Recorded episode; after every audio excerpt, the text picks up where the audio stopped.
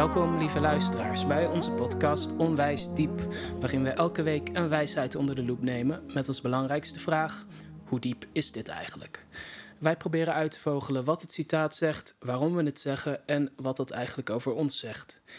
Ik ben Diederik en ik zit hier met Werner. Hey, hallo, goeiedag. En voor vandaag hebben wij weer een mooie klassieker uitgezocht van waarschijnlijk de allerklassiekste filosoof, Socrates. En dat citaat luidt: Het ononderzochte leven is het niet waard geleefd te worden. Op zijn Grieks gaat dat uh, net iets anders. Uh, namelijk, het ononderzochte leven is geen leven voor de mens. Um, en dat citaat komt uit, uh, zoals al Socrates citaten, uit het werk van Plato, zijn discipel. En in dit geval is dat de Apologie. En dat is de tekst waarin Socrates zich verdedigt tegen de aanklacht dat hij de jeugd corrumpeert en, en de, de, de goden niet lief heeft. En dan, en dan zegt Socrates, uh, die, die zet zichzelf neer, of, of Plato zet hem neer, als een man van principes, die dan zegt: uh, Ja, eigenlijk ben ik hier in de zaal de enige die de goden wel behoorlijk eert. Um, ik, en, en ik neem mijn verantwoordelijkheid als filosoof en mens en burger serieus. Het is een, uh, een mooie tekst die iedereen er even bij moet pakken. Maar voor nu, het citaat: Het ononderzochte leven is het niet waard geleefd te worden. Um, dat is een, uh, echt een, een, slogan van de filosofie, kun je wel zeggen. Veel cursussen beginnen daarmee. Hoe, uh, hoe ken jij dat, Werner? Is dat. Ja, ja, wat je zegt, dat veel filosofiecursussen daarmee beginnen. Het is een beetje de, de, de slogan waarmee de filosofie zichzelf rechtvaardigt, lijkt het te zijn. Dus net ja. zoals Socrates natuurlijk zijn eigen kritisch ondervragen van zijn medeburgers uh, rechtvaardigt van ja, dat is wat het, wat, het, wat het leven de moeite waard maakt of zo. Um, wordt het wel gebruikt als een soort van lofroep voor de filosofie. Het is toch zo mooi, want dat maakt het, het leven de moeite waard. En soms wordt het. Nou, ik herinner me dat het ook in het eindexamenboek voor de middelbare school staat het ook bij de introductie een beetje als een soort inleiding van waarom doen we eigenlijk filosofie? Nou, de mens die, um, die is nou eenmaal een reflectief wezen of die, die kan er nou eenmaal niks aan doen dat hij nadenkt. en dat is trouwens ook wat het leven menselijk maakt of wat het leven de moeite waard maakt of zoiets. En daarom schrijven we dit metersdikke boek, wat je allemaal moet lezen als leerling. Zodat je daarna goed kan reflecteren op je bestaan. Ja, een beetje. Nou, het, soms dan wordt het dus echt gepresenteerd als een soort van noodzakelijkheid. Van we leven, dus we moeten onderzoeken. En uh, mm-hmm. soms dan wordt het meer als een soort ja, als een soort van uitnodiging of zo gepresenteerd. Van, goh, zou je je leven niet eens willen onderzoeken? Want dat, is, dat maakt het echt heel erg waardevol. Ja, dat is meer mijn benadering. De voorzichtigere uh, benadering van... hey zeg, is het je wel eens opgevallen dat het allemaal best wel gek is... dat, uh, nou ja, dit er allemaal is? um, we wilden ons uh, vooral richten op twee vragen, want je hebt hier natuurlijk twee delen van dit citaat. Dat is zoals vaak het geval is. Um, en dat eerste deel is dus het, het ononderzochte leven. Daarvan wilden we even verkennen wat dat dan betekent. Wat is het om je leven te onderzoeken? Misschien zelfs wat, wat betekent leven in die, uh, in die context mm. ongeveer. En, um, en, en dan heb je dat tweede deel. Uh, een ononderzocht leven is geen leven voor de mens. Of is het de mens niet waardig? Of, of uh, past niet bij de mens? En uh, daar kunnen we ook nog van alles over zeggen. Dus daar wilden we dan vervolgens wat aandacht aan besteden. Um, maar om te beginnen, het onderzoeken van het leven, wat, wat houdt dat in? Wat, um, wat moet je dan precies onderzoeken? Uh, dat is misschien een goede vraag om mee te beginnen. Heb je daar heb je daar uh, uh, mooie inzichten over?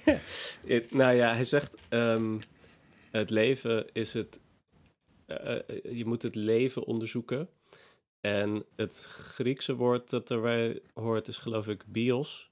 Dat betekent zoiets als het leven dat je in sociale zin leeft. Het gaat niet zozeer om dat iedereen biologie zou moeten doen, maar volgens mij gaat het hem om um, hoe jij je verhoudt tot andere mensen, hoe andere mensen zich verhouden tot jou, wat er betekenisvol is eigenlijk en wat niet.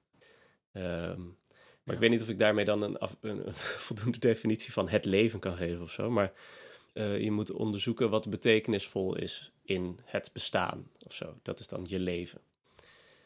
Inderdaad, echt het leven meer als bestaan dan als de. Um, ja, ik bedoel, Socrates zou misschien ook hebben gezegd. Um, als je je eigen leven, dus wat we nu onder biologie verstaan, uh, onderzoekt de mens als dier, dan is dat eigenlijk zoologie.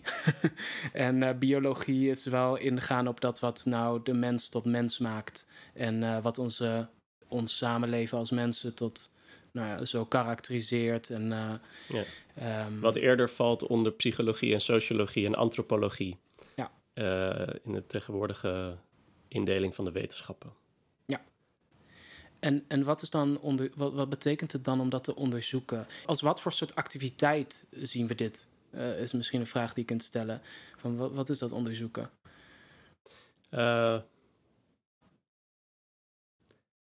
Ja, ik denk uh, bijvoorbeeld wat we nu aan het doen zijn. ja. ik denk dat, het, dat er wel wat voor te zeggen is dat onderzoeken betekent dat je bijvoorbeeld vanuit verschillende perspectieven probeert iets te beschrijven. Dat je niet één perspectief aanneemt als uh, het, zo is het gewoon, punt. En bijvoorbeeld mijn mening over een politiek vraagstuk, dat is gewoon zo. Dan ben ik niet aan het onderzoeken, dan ben ik gewoon een soort conclusie aan het presenteren. En het onderzoeken is wat daaraan vooraf gaat. Dus het, het, het hopelijk dan. Hè? Uh, het onderzoeken is dat ik ga, ga, ga kijken naar, goh, wat, wat, wat valt er waar te nemen? En wat hebben andere mensen waargenomen aan hoe het bijvoorbeeld met het klimaat gaat? Wat zijn de verschillende perspectieven die we kunnen innemen? We kunnen kijken naar bijvoorbeeld hoe de boeren hun oogst moeten veranderen. We kunnen kijken naar wat de gemiddelde temperatuur is in de zomer. En we kunnen kijken naar het zeeleven dat verandert. En, en dat hangt dan allemaal met elkaar samen. Het zijn allemaal verschillende perspectieven om naar het klimaat te gaan kijken. Mhm. En op basis daarvan ben je het, heb je het onderzocht, om zo te zeggen. En met het leven uh, denk ik ook dat het vooral te maken heeft met dat je wat je als eerste denkt prima kan laten bestaan, maar dan in ieder geval ook nog daar even bij stil blijft staan en kijkt of je daar nog misschien nog wat andere dingen over denkt. En als het dan gaat, want uh, Socrates is natuurlijk een voorbeeld van iemand die een uh, soort van andermans levens onderzoekt, om het maar zo te zeggen. Hij gaat naar een rechter toe om, daar, om aan hem dan te vragen: Goh, je bent een rechter. Jij doet, je zal dan wel een hele hoop weten van rechtvaardigheid. Uh, want uh, daar, daar ben je natuurlijk de hele dag mee bezig. Kun je me dan uitleggen wat dat misschien is? En dan gaat hij dus het, het begrip rechtvaardigheid uh, soort problematiseren en zeggen: Goh, ik weet eigenlijk helemaal niet wat dat betekent. Um, en, en niet zozeer in twijfel trekken dat het een betekenis heeft, maar wel dat dat we al weten wat het betekent, dat wordt in twijfel getrokken. Ja. Uh, en dat betekent het openstaan voor nieuwe, uh, voor andere perspectieven of, of, proberen je perspectieven te verbreden. En wat het dan betekent om het leven te onderzoeken. Ik heb steeds vergelijkingen gebruikt. Uh, wat Socrates vindt blijkbaar dat het onderzoeken van bijvoorbeeld ho hoe een muis in elkaar zit, dat is niet het leven onderzoeken, maar vragen wat rechtvaardigheid is aan een rechter, dat is wel het leven onderzoeken. Ja. Um, en dan uh, betekent dat dus dat, dat het iets te maken heeft met de manier waarop mensen betekenis geven aan, aan de wereld om zich heen. Wat ik, waar we het nog niet over hebben gehad en wat ik wel een goede vraag vind, is wanneer hebben we het nou voldoende onderzocht? Ja, ja dus, dus dan hebben we het gehad over uh, ja, wat, wat dat onderzoeken is en, en, um, en wat je dan ongeveer moet onderzoeken. Dus het leven, het leven van de mens. Maar wanneer weten we dan wanneer we iets goed onderzocht hebben? Dat is ook wel een leuke vraag. Wanneer ben je ooit klaar? Of, uh, hoe, en hoe weet je dat? Ja, dat vind ik dus wel grappig. Want eh, in ieder geval in de, in, ieder geval in de Nederlandse vertaling uh, heet het het onderzochte leven. Dat is voltooid deelwoord. Dat betekent dus dat je klaar bent met het onderzocht hebben. Een leven, dat hoef je bijvoorbeeld maar één keer te onderzoeken. En dat kun je doen door uh, uh, bijvoorbeeld, nou, je bent bijvoorbeeld opgegroeid binnen een christelijk gezin en dan heb jij altijd de Bijbel gekregen. En als je dan vervolgens één keer ehm, de vraag hebt gesteld: Goh, klopt dit wel? um, dan heb je vervolgens volgens onze beschrijving in ieder geval daarvan, een beetje onderzoek gedaan. Je hebt namelijk een vraag gesteld en je hebt gekeken naar of de, de mogelijkheid opengelaten voordat er verschillende perspectieven zijn. En als je dan vervolgens zegt, ja, dit klopt, uh, dan zou je moeten zeggen, je hebt het leven onderzocht. Laten we zeggen dat je dan eventjes daarover hebt nagedacht of zo. En dan vervolgens tot zo'n conclusie komt, dan heb je het leven onderzocht. Uh, voelt niet in mijn optiek uh, alsof dat genoeg zou zijn. Als iemand zegt, ja, ik heb het één keer onderzocht en ik ben nu klaar met onderzoeken, dus mijn leven is de moeite waard. Nee, het inderdaad, dat is wel iets wat ja, ik, ik, ik weet niet of die mensen die dat doen. Nou, dat weet ik echt niet. Of die zich vaak als filosoof zullen beschouwen. Maar het is wel iets dat ik inderdaad herken. Um, oh, ik ken geen mensen die dit zo zeggen. Ik, althans, ken jij mensen die dat zo zeggen? Um, nou, ja, ik, meer zeg maar het type van de persoon die, um, die denkt. die zegt: ik ben, ik ben een kritisch denker. Of ik, ik doe graag onderzoek. En dat, dat heeft dan om het lijf uh, een, een auteur vinden die het tegenovergestelde zegt van wat de meeste mensen volgens de auteur zeggen. en, um, en dat die persoon vervolgens zegt: Ja, ik ben kritisch en ik uh, ben een onderzoekend persoon. Dit is mijn mening. Ik denk wel dat het bij Socrates iets is. Uh, en ik denk nou, ik denk in ieder geval wel dat het, is, als ik dat op zo'n platoonse manier mag zeggen, de ziel van het citaat is uh, dat je het wel moet blijven doen. Dat het wel een soort uh, voortdurende roeping of verantwoordelijkheid is. dat zit misschien ook een beetje in dat mensaspect van het, waar we zo meteen het over gaan hebben, van het citaat. Ik bedoel, je bent natuurlijk je hele leven lang mens. Dus daarom moet je ook je hele leven lang onderzoeken. Um, dus zo kun je het lezen. Ja, klopt. Het lijkt bijna een soort van want het lastige is natuurlijk op het moment dat je onderzoekt, dan heb je nog geen conclusie per definitie. Je hebt nog geen antwoord op de, de vraag die je stelt. daarom ben je aan het onderzoeken en aan het bekijken wat daar dan. Hè, dat is ook de enige manier waarop je de mogelijkheden allemaal kan zien, is als je nog niet hebt besloten welke mogelijkheid het antwoord is. Ehm, maar als je dat voor altijd blijft doen, heb je natuurlijk nooit enig antwoord. Dat is ook wat je merkt bij uh, de meeste Socratische dialogen, die dan eindigen in een soort aporie. En, uh, of, of ze eindigen met dat iemand zegt: Ja, sorry, Socrates, uh, ik vond het een heel leuk gesprek, maar ik moet nu echt weg, want ik moet nog, ik moet nog eten of ik heb nog een afspraak of weet ik veel.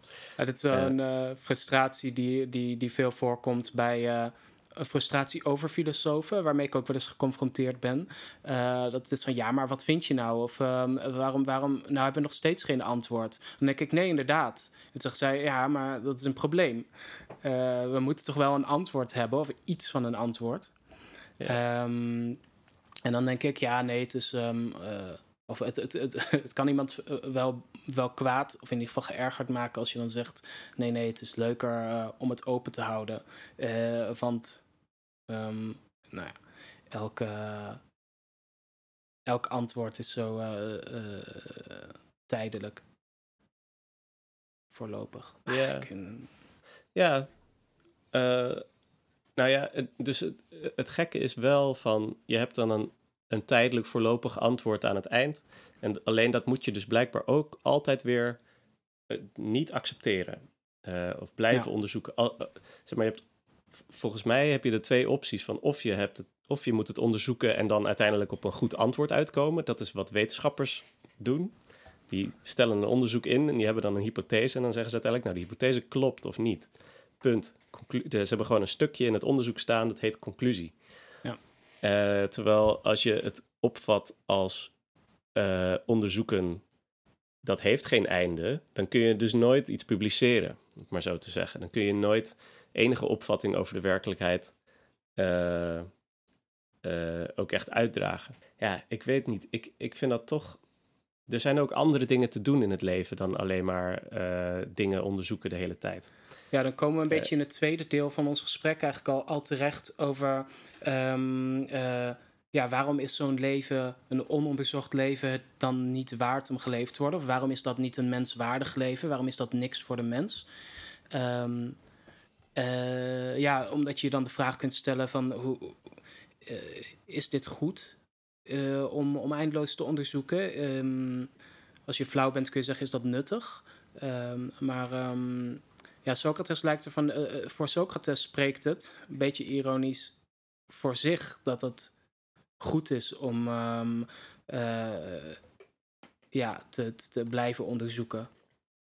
Ik weet eigenlijk niet wat hij, of, of Plato en hij, um, uh, expliciet benoemen als de reden.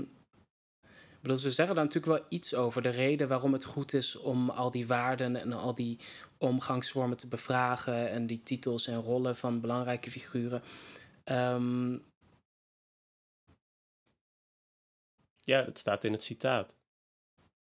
Hij zegt: dat is geen leven voor de mens. Dus blijkbaar is dat iets wat mensen gewoon doen. En is dat alles? Dus dat, daarom zei ik van het lijkt voor zich te spreken voor hem. Uh, dat, is een, uh, dat is wat de mens kenmerkt. En, en dat weet ik, want ik uh, zie de mensen en dat is nou eenmaal licht in hun aard of zo. Of dat is ja, wat ze onderscheidt. Er zit wel, nou ja, er zit wel een opvatting over, achter natuurlijk van hoe ik weet niet, dat kan je misschien met die, die mythe van eh, Prometheus een beetje uitleggen. Of Prometheus en Epimetheus. Dus Prometheus had allerlei uh, dieren en de mens ook geschapen uit klei. En Epimetheus mocht dan alle eigenschappen uitdelen aan alle dieren. en um, Epimetheus was een beetje dom. Epimetheus betekent achteraf denken. Um, dus hij geeft, uh, weet ik veel, de beer een vacht en de schaap geeft hij een wollen deken voor in de, voor in de winter. En de haas geeft hij dan uh, het vermogen om snel te rennen en snel voor te planten. En de vos geeft hij uh, tanden enzovoort. en iedereen, ieder dier heeft dan iets wat hem een bepaald soort voordeel geeft of een bepaald soort kenmerkende eigenschap die het zorgt dat hij zijn ding kan doen als dier, van waar hij voor gemaakt is. En uh, dan Epimeta is natuurlijk iemand die niet zo nadenkt, uh, of in ieder geval achteraf dan ineens beseft, oh, uh, de eigenschappen waren al op, maar ik was de mens vergeten. Dus de mens is daarom een kale aap, die geen klauwen heeft, geen scherpe tanden, ook niet hard kan rennen, enzovoort. Dus een beetje hulpeloos en loopt te bibberen in de, in de, in, in de winter. En Prometheus die brengt, geeft hem dan het vuur. En dat wordt door iedereen, afhankelijk van welk uh, beroep je doet, anders uitgelegd. Soms dan wordt het de techniek genoemd, soms wordt het het verstand genoemd. Uh, maar uh, in dit geval, dit is een Griekse mythe, kun je zeggen, de kenmerkende eigenschap van mensen is dat ze redelijk zijn of zoiets. Dat ze het verstand hebben gekregen van Prometheus, een beetje in die mythe. In ieder geval is er een soort van orde aan alles, aan alle dieren en dingen die zijn allemaal met een bepaald, uh, bepaalde bedoeling gemaakt. En de bedoeling van de mens uh, zit hem dan in het dat hij redelijk is. Ja. Uh, dus ik denk niet dat Socrates degene is die dan zegt, dat neem ik aan. Maar ik denk dat dat wel een soort ingebak is. Volgens mij neemt iedereen in die zaal dat wel aan. Dat mensen, ehm, mensen nou eenmaal nadenken. of in ieder geval nou eenmaal zich bedienen van taal. En, en, dat, en redeneren en zo. Dus ik geef ook redenen voor waarom ik dingen doe. En dat is typisch menselijk. Uh... Ja, en hij, maar hij lijkt dan nog net iets verder te gaan. Of tenminste, uh, afgaand op hoe hij zich onpopulair wist te maken. Hij is daar dan weer een beetje een fundamentalist in of zo. Dat hij zegt, dus echt in dit citaat. Um, als je een behoorlijk mens wil zijn, als je je echt, of misschien zelfs als je je echt wil realiseren als mens of wil doen uh, waarvoor je gemaakt bent, dan moet je um, het leven onderzoeken. Dus niet alleen uh, bijvoorbeeld je, je intelligentie gebruiken om dingen te maken of om, um, om slim handel te drijven, maar echt, dan moet je ook echt nadenken over, over wat we hier doen en uh, wie we zijn en Oh ja. ja, dat klopt inderdaad. Ja, het is niet uh, het soort ingenieurs nadenken van hoe lossen we dit probleem op. Maar het gaat inderdaad puur om zo'n contemplatieve reflectie op, uh, op de eeuwige orde van het bestaan en zo. dat is het, uh, ja. het, soort dingen dat ons tot echte mensen maakt. want anders dan zijn we niet veel meer dan een bever die een dam bouwt of een spin die een web weeft. ja, dat is misschien daar in die zin ook een ja, zie je dat het ook wel een beetje een, een, een, citaat is in gesprek met de menselijke conditie. En uh, dat probeert een antwoord te vinden op eh, ja, wat we nou zijn en waarom we er nou zijn. En, en daaraan, in het verlengde daarvan meteen ook wat we dan eigenlijk moeten doen in, in godsnaam. Um, maar zou je zeggen dat het klopt? Want uh, er zijn toch zat mensen. Nou, misschien is mijn vraag eerder. Iedereen onderzoekt zijn leven dus heus wel bij tijd en wijlen en af en toe een beetje. En, en, en sommigen zullen daar wat meer neiging toe hebben dan anderen. Uh, mm maar ik zou wel zeggen dat het alle mensen kenmerkt dat ze zich van taal bedienen en, en verstand hebben. Ze kunnen, iedereen kan nadenken. En iedereen doet dat ook. Ja, in zijn leven wel, regelmatig. Als je een keer een midlife crisis hebt, dat is omdat je zo hard nadenkt. Klopt, dat is ook iets waar ik over zat te denken toen ik vandaag uh, over dit uh, citaat begon te pijnzen. Van um, uh, wat je een beetje bij Socrates hebt, um, en, en waar ik mezelf ook wel eens op betrap, um, is dat je het idee hebt: oké, je hebt nadenkende mensen of mensen die zelf onderzoek willen doen. En dan heb je mensen die dat niet doen, of mensen die dat niet genoeg doen. Terwijl, ja, eigenlijk de, de mensen aan wie je denkt, wanneer je denkt aan mensen die hun leven niet onderzoeken, die zijn daar misschien op dit moment even niet mee bezig. Maar dat betekent niet dat zij niet. Um, op een, uh, dat niet ieder mens op bepaalde punten in zijn leven zijn eigen leven onderzoekt en, en nadenkt over wat nou belangrijk is. Dat is ook een beetje cliché, maar dat wordt natuurlijk altijd. Uh, uh, daar is ook wel aandacht voor. Van mensen stellen zich vaak vragen wanneer er een soort crisis ontstaat op een bepaald punt in hun leven. Ja. Um, dus het is ook, ja, om maar te zeggen, je moet ook weer niet vervallen in een soort stereotype van je hebt onnadenkende mensen of um, mensen die hun hele leven weglopen voor hun verantwoordelijkheid als mens om na te denken over ja. zichzelf. En je hebt mensen die die verantwoordelijkheid wel op zich nemen en dat zijn de filosofen of zo. Ja, uh, precies. Ja, je moet het inderdaad niet elitair lezen. Nee. Uh, ik denk, je kan het ook best lezen. De, ik weet niet in deze context waarin Socrates het zegt, in ieder geval. Lijkt hij wel te zeggen: ik, ik heb het leven onderzocht en andere mensen doen dat niet. Maar ik vind dat er best wel wat voor te zeggen valt. Dat je zegt: je leven heeft uh, betekenis. Je, jij begrijpt de betekenis van jouw leven. Je, voor zover je erover hebt nagedacht. Voor zover je er bijvoorbeeld um, een verhaaltje over kan vertellen. Van kijk, ik ben zo en zo iemand. Dat heb ik ontdekt toen en toen. Toen ik daarna daarop reflecteerde, kwam ik erachter. Oh ja, zo ben ik eigenlijk. Of dit vind ik eigenlijk belangrijk. Oh, ik kwam er door die en die fout achter dat ik eigenlijk helemaal niet zo ben. En dan ontstaat er een midlife crisis of iets dergelijks. Um, maar het, het, het uh, narrativiseren of zo van gebeurtenissen in je leven, dat is wat ze betekenis geeft. En verhalen die ontstaan doordat je ergens op reflecteert, doordat je ergens over nadenkt. Of dat je probeert het, uit, probeert het te beschrijven. Vertellen. Ja. Maar want, sorry, ja, want waar ik, wat ik daarover wilde vragen is: um, kun je niet ook heel gelukkig zijn? En sommige mensen zeggen een gelukkig leven is een betekenisvol leven. Kun je niet ook gelukkig zijn zonder die reflectie, zonder die narratief, ja, zonder dat, uh, oftewel narratief maken of bevragen. Um, dat is wel iets dat je nog uh, dat is misschien voor de, hmm. voor de filosofen die over dit soort dingen nadenken heel moeilijk om zich voor te stellen. um, dat je gelukkig kan zijn zonder filosofie. Ja, dat uh, natuurlijk. Ja. Dan wel, maar ik zou zeggen, uh, ja, misschien is dat een beetje sneaky of zo. maar dus het citaat zegt wel, nou ja, het, het, zegt niet eens, het is niet waard om geleefd te worden. Het is gewoon geen leven voor een mens. Een menselijk ja. leven is een leven waar betekenis aan zit. Wat, je, wat op een bepaalde manier wordt uitgelegd. En het is wel zo dat er uh, wezens zijn geweest die we mens zouden noemen, omdat ze bijvoorbeeld een menselijke moeder hadden, maar niet zijn opgevoed met taal. Die zich dus ook uh, van die wolfskinderen en zo, die zijn zich gaan gedragen als uh, wilde dieren in de jungle, Mowgli, noem maar iemand. Um, maar die uh, hun leven zou ik dan ook niet menselijk noemen. En, want het wordt menselijk op het moment dat je er, dat je er iets over uitlegt. Dat je, dat je er een bepaald soort uh, verhaaltje over vertelt. Misschien maak ik het een beetje simpel zo. Nou ja, het is, dat, dan wordt het natuurlijk een beetje een definitiekwestie, maar daar valt wel wat voor te zeggen inderdaad. Je kan Eh, ja, nee, ik geloof dat ik het daar wel mee eens ben. Ehm, Dus dan, dan, dan betekent het citaat... Sorry dat ik je onderbreek. Ja. Eh, dan betekent het citaat... ehm, een leven is eh, menswaardig voor zover erover is... een leven is menselijk voor zover er op gereflecteerd is.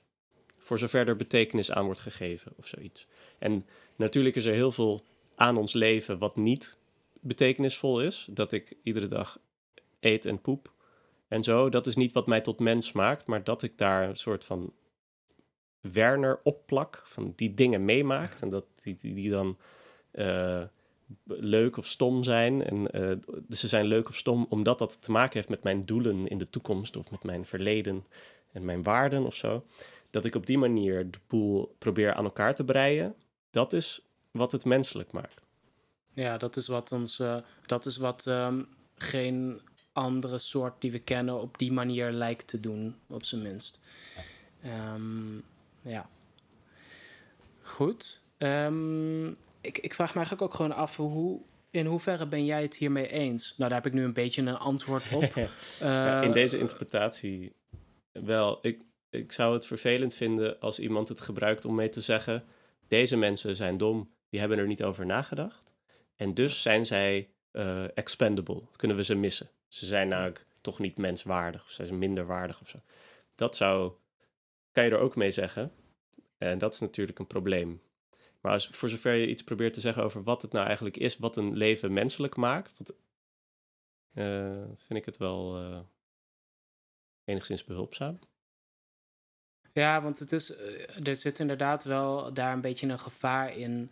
ehm, op het moment dat je dan dat je bepaalde eigenschappen of eigenlijk in activiteiten gaat zien als eh, gebruikt om mensen van dieren te onderscheiden of juist bij de dieren te scharen. Ik bedoel, we kennen natuurlijk genoeg voorbeelden waarin dat eh, behoorlijk mis is gegaan in de geschiedenis. Vooral doordat het concept van mens ehm, zo geladen is met het idee van dit is waardig. En op het moment Ja. dat je bij de dieren wordt geschaard, is, het, is dat hetzelfde als zeggen deze persoon, dat is natuurlijk onze. ehm, ehm, eh, ja, hoe noemen ze dat? Toch wel specialistische eh, visie. Van de dieren zijn niet waardig. Eh, dat zijn dieren, die doen vieze dingen. En de mensen niet. En op het moment dat jij dan als mens bij de dieren wordt ge- eh, eh, ehm, ingedeeld, is dat, nou ja, voorspelt dat niet veel goeds. Ja, precies. Nou ja, en, en dat is wel belangrijk dat je dat opmerkt.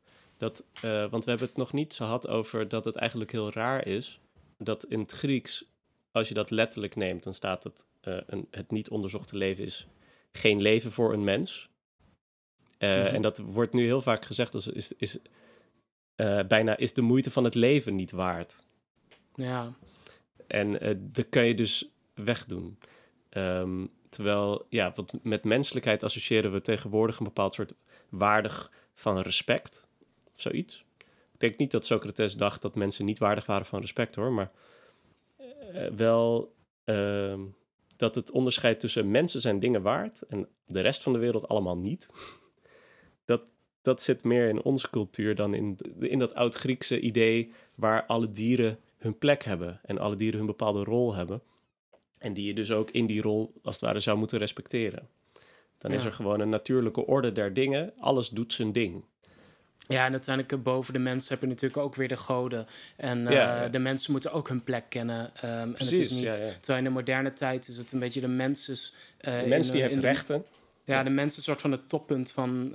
en dat is uiteindelijk al voor de moderniteit misschien ook een beetje een... Ja, zeg maar het christendom op het moment dat God eruit werd gesneden. En dan is het oké, de mensen zijn nu dat. En eh, eh, het toppunt van de schepping of van alles wat er is. Ja. Ehm, ja. Ja, we moeten toch Goed. die brief over het humanisme van Heidegger maar eens gaan lezen. Misschien kunnen we daar een podcast over maken van een eh, kleine twee uur. Ja, ja. Ehm, hoe diep vinden we dit citaat? Hoeveel vadem? Eh, in ieder geval in, in hoe we de betekenis nu een beetje hebben uitgeplozen, zou ik zeggen dat het iets wel eh, dieps in de zin van echt waar en behoorlijk on point zegt over wat het is om mens te zijn. Namelijk dat het iets is met reflecteren op wat je aan het doen bent. Dat dat is wat mensen kenmerkt. Ja, ik zou ook wel zeggen, ik eh, dit geef ik gewoon een 10 voor het beginnen van de filosofie. Eh, vandaag geen tijd voor nuances. Ik- Ja, ja we hebben het... Oké, dat vind ik te ver gaan.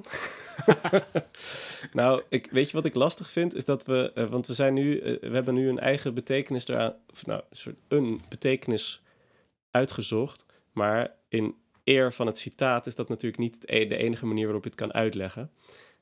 En de manier waarop het gebruikt wordt aan het begin van iedere filosofiecursus... eh vind ik het vaak wat kort, wat vind ik het juist wat oppervlakkig.